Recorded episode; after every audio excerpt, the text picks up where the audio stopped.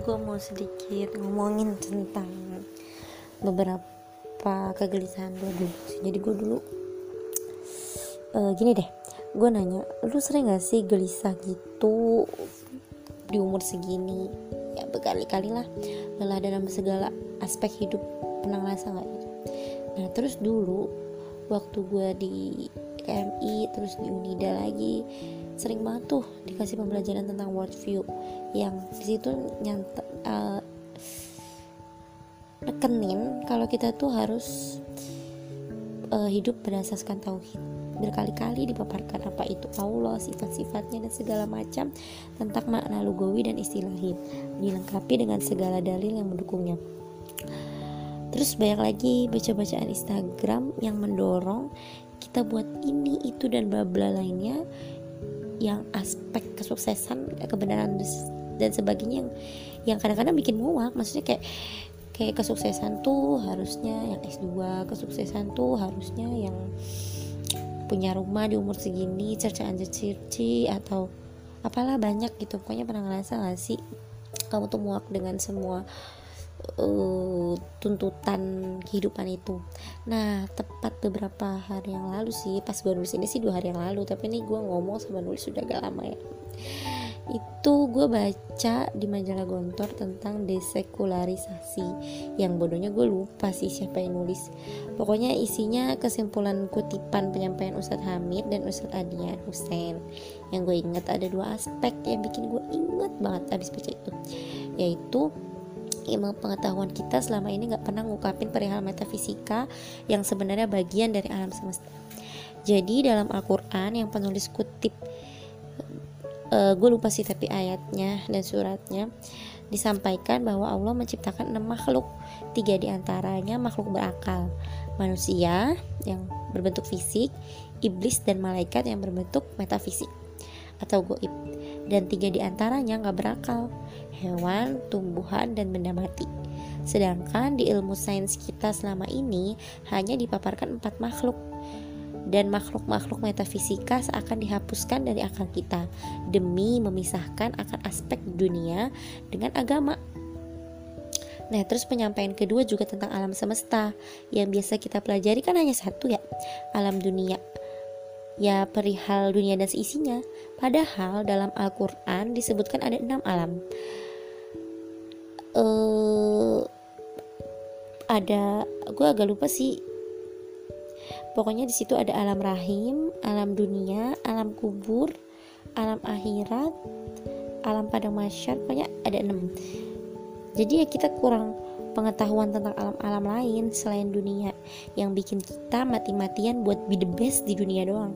Karena pemikiran kita udah masuk dari ilmu-ilmu yang disekulerkan sedari kita dini. Saat kita udah berusaha menggapai dan sebagainya kita seakan hopeless tanpa tujuan ya. Karena paham kita masih sampai pada titik alam dunia. Kita enggak mengakhiri apa-apa itu nanti sampai alam akhirat sampai alam kubur alam pada masya baru alam akhirat ya terus baru kemarin lagi kan gue baca kutipan Tumblr yang uh, eh, gue yang gue post tuh ada pokoknya kalau lu cek uh, kumpulan klikir di Tumblr di situ ada kalau istighfar dan sholat taubat bisa menghadirkan inspirasi. Kenapa? Ya karena akal kita dan keseluruhan diri kita itu Allah yang menghendaki, termasuk sekarang. Ana ngomong di sini mungkin podcast juga Allah yang menghendaki dan itu nyambung juga kan sama mafudat yang dulu pernah kita pelajarin kalau ilmu gak akan hadir pada orang-orang yang buat maksiat kalau udah antara ilmu dan maksiat harta dan maksiat dunia dan maksiat ntar bahasannya nyambung lagi ke istidraj aku masih kurang sih ilmunya jadi ya gitu penyampaiannya ya agak mau paham ya. Gini gini intinya. Jadi semua apa-apa yang kita kita dapetin kita nih misalnya teman-teman sekarang lagi denger podcast podcast gue itu tuh udah kehendak Allah gitu loh. Dan gue ngomong podcast ini tuh udah kehendak Allah. Jadi kita bisa bertemu itu, bertemu dalam suara ini itu kehendak Allah. Dan Allah hanya akan menghendaki orang-orang yang beliau inginkan. Kayak gitu. Nah, salah satunya juga uh, ada yang dikehendaki itu adalah orang apa Allah menghendaki ilmu itu untuk orang-orang yang jauh dari maksiat. Ilmu nurun wa nurullahi la yuhda lil asi. Dan uh, ilmu itu adalah cahaya dan cahaya itu tidak akan diberikan kepada orang-orang yang berbuat maksiat. Nah tapi kenapa sih kadang-kadang ada kan orang yang berbuat maksiat tapi masih aja dapat ilmu yang bagusnya masih pinter gitu loh. Nah itu tuh berarti e, namanya istidroj jadi di mana karena surga mereka dunia ya Allah berikan dunia aja gitu. Maksudnya nanti mereka nggak tahu lagi apa namanya di akhiratnya gimana gitu. Nah ini relate sih sama yang gue rasain. Terakhir tuh gue benar-benar coba ya sebelum gue kerja pas dua gue tambahin sholat taubat dua rakaat. Berusaha lah sekusyuk mungkin ya. Pokoknya kita susah sih emang sholat khusyuk tapi berusaha sekusyuk mungkin minta ampun.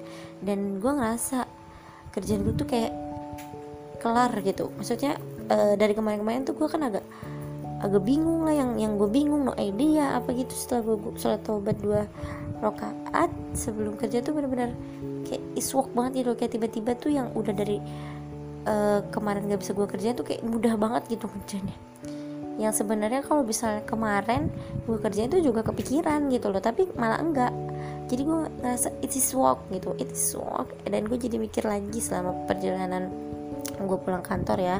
Kalau segala aspek kita dalam hidup kita camkan akan keyakinan bahwa makhluk hidup berakal itu bukan cuma manusia.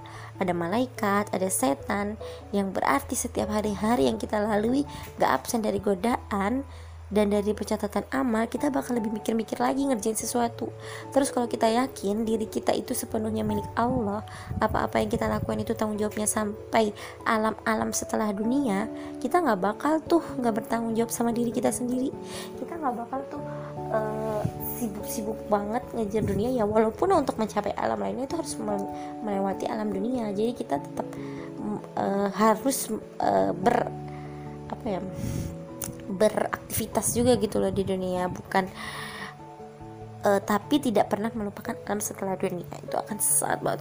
Jadi tadinya tuh gue pengen analogiin tuh kayak perihal diet gitu loh perihal buat kita pengen diet. Tapi ya gue juga nggak yakin sih karena gue juga mau diet aja masih susah gitu loh. Ya ini not to, not for myself juga sih sebenarnya. Jadi gue mikirnya gini kalau misalnya gue mikir diet tujuannya karena badan yang gue punya itu titipan dari Allah So gue yakin kan tiap apa yang gue lakuin ke badan gue itu nanti ditanya sama Allah sang pemilik. Kalau kalau gue ngedolimin badan gue dengan makanan-makanan gak sehat terus makan gak teratur juga pasti gue bakal ditanya kan sama yang punya.